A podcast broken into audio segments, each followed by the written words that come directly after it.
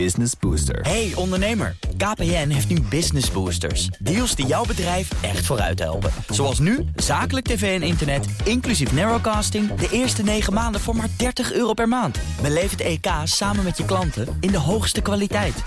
Kijk op kpn.com slash businessbooster. Business Booster. Dit is de Oekraïne Ochtend Update. Mijn naam is Geert-Jan Haan. En ik ben Bernard Hammelburg. We praten hierbij over de laatste ontwikkelingen in Oekraïne. En de gevolgen voor en de reacties van de buitenwereld. Je vindt deze podcast in je favoriete podcast-app. Wij gaan kijken naar de situatie in Oekraïne. Grote delen van de bezette Oekraïnse stad, uh, of een grote delen van de bezette Oekraïnse oblast, uh, Gerson.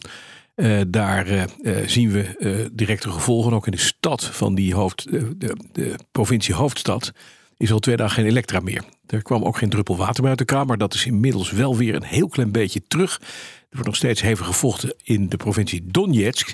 En daar berichtte Zelensky vannacht dat er hevige verlies worden geleden door de Russen totale chaos. Althans, dat zegt dus de Oekraïnse geheime dienst. De Russen weerspreken dat. We gaan alles bespreken met uh, Europa-verslaggever Geert-Jan Haan. Geert-Jan, goedemorgen. Hallo. De eerste strijd in Donetsk, want we zeiden het al, hè, de Russische minister van Defensie heeft gereageerd op een brandbrief van de gouverneur van Donetsk. Die zegt dat de Russische troepen daar uh, verliezen lijden. Maar Zelensky zegt zelfs, ja, wij hebben, zien daar 500, 600 lijken zien we voor onze tanks liggen. Uh, wat is er nou precies gezegd?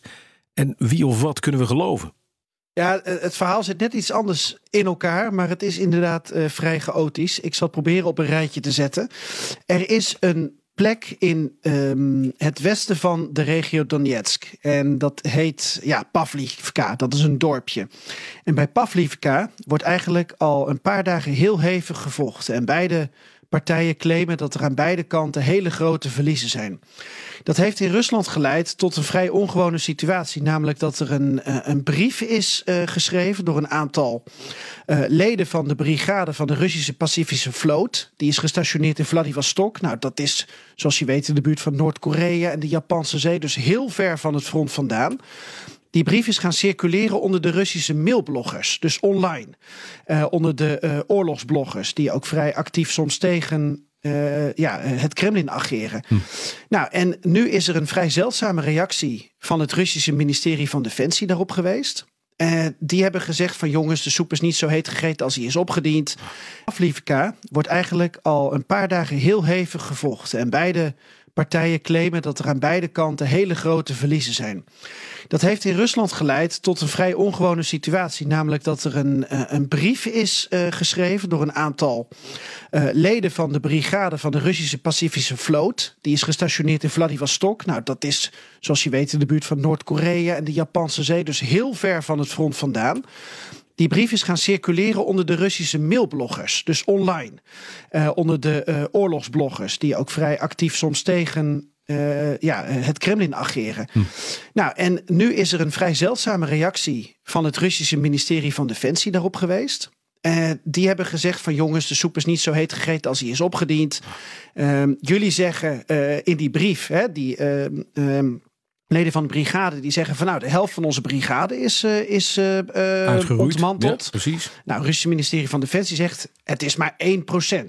Um, en 7% is uh, gewond. En Oekraïne heeft hele grote verliezen. En de brief is bovendien ook nog afkomstig van de Oekraïense geheime dienst. Nou, dat is een gezamenlijke reactie van de gouverneur en van het Russische ministerie van Defensie geweest. Eigenlijk heel bijzonder dat ze in het publiek hierop reageren. reageren ja. um, Waar het allemaal om gaat, Bas, is eigenlijk dat Pavlivka, dat is dus een dorpje wat, uh, zoals we nu kunnen inschatten, nabij een spoorlijn ligt die de Russen misschien willen gebruiken als alternatief voor de Krimbrug. Zodat er alsnog aanvoer is richting het front. Mm -hmm. Maar dat heeft dus ja, hele grote gevolgen. Als je kijkt naar wat er nu allemaal uh, verder gebeurt. Um, ja, beide partijen die geven bij elkaar aan dat er dus hele grote verliezen worden geleden. Ja, dat blijkt. Dan naar Gerson. Hoe gaat het daar? Hoe gaat het in de oblast? Hoe gaat het in de stad?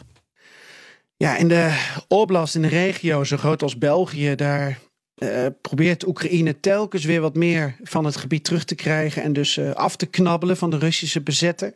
Dat gaat mondjesmaat. En in de stad, ja, normaal gesproken, uh, volgens mij begin dit jaar 320.000 inwoners. nu hoorde ik van een humanitaire organisatie dat er nog 60 à 70.000 mensen zijn. Dus een kwart miljoen is weg. Gevlucht, geëvacueerd, gedeporteerd.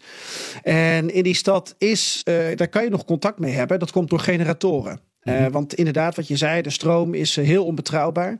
Uh, maar door generatoren is er dus nog mondjesmaat contact mogelijk. tegelijkertijd ja, zie je dus dat um, de roadblocks zijn weg. Maar de Russische soldaten zijn er vaak nog wel. Die hebben zich dan weer verschanst nu in huizen die zijn achtergelaten. En die lijken zich klaar te maken voor eventuele straatgevechten. En wat verder nog opvalt, het is maar een detail Bas, maar de Oekraïense radio is terug in Gerson. Mm -hmm. En die was eigenlijk uh, ja, weg door ja. de, de Russificatie.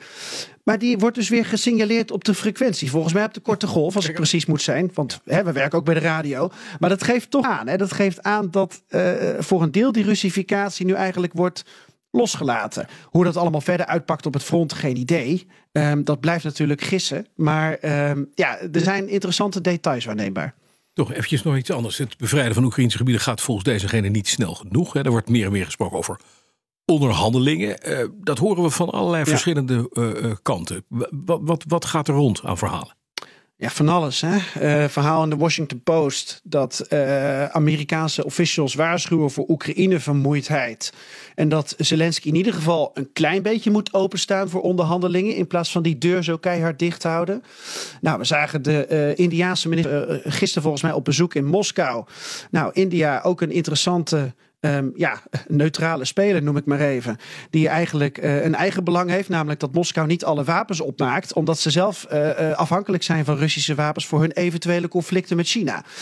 zo zie je dat de hele wereld zich ermee bemoeit. Bij de NAVO, zo las ik in een Italiaanse krant, wordt ook gesproken over dat um, ja, Oekraïne wat meer open moet staan voor onderhandelingen. Maar ja. Um, het is eigenlijk maar aan één iemand, hè? Of misschien aan twee personen. Ja. Misschien is het aan de Amerikanen, die natuurlijk gigantisch Oekraïne financieel en militair bijstaan. En het is aan Zelensky. Ja, maar Zelensky inderdaad, die heeft al gezegd: ik praat niet met zolang Poetin er zit, hè, tussen de regels door. Uh, wij willen actiepunt 1, maar daardoor treedt actiepunt 2 automatisch in werking. Namelijk met een andere Russische leider zullen we hierover moeten praten. Zo kan je het ook spinnen. Business Booster. Hey ondernemer, KPN heeft nu Business Boosters. Deals die jouw bedrijf echt vooruit helpen. Zoals nu, zakelijk tv en internet, inclusief narrowcasting... de eerste 9 maanden voor maar 30 euro per maand. Beleef het EK samen met je klanten in de hoogste kwaliteit. Kijk op kpn.com slash businessbooster. Business Booster.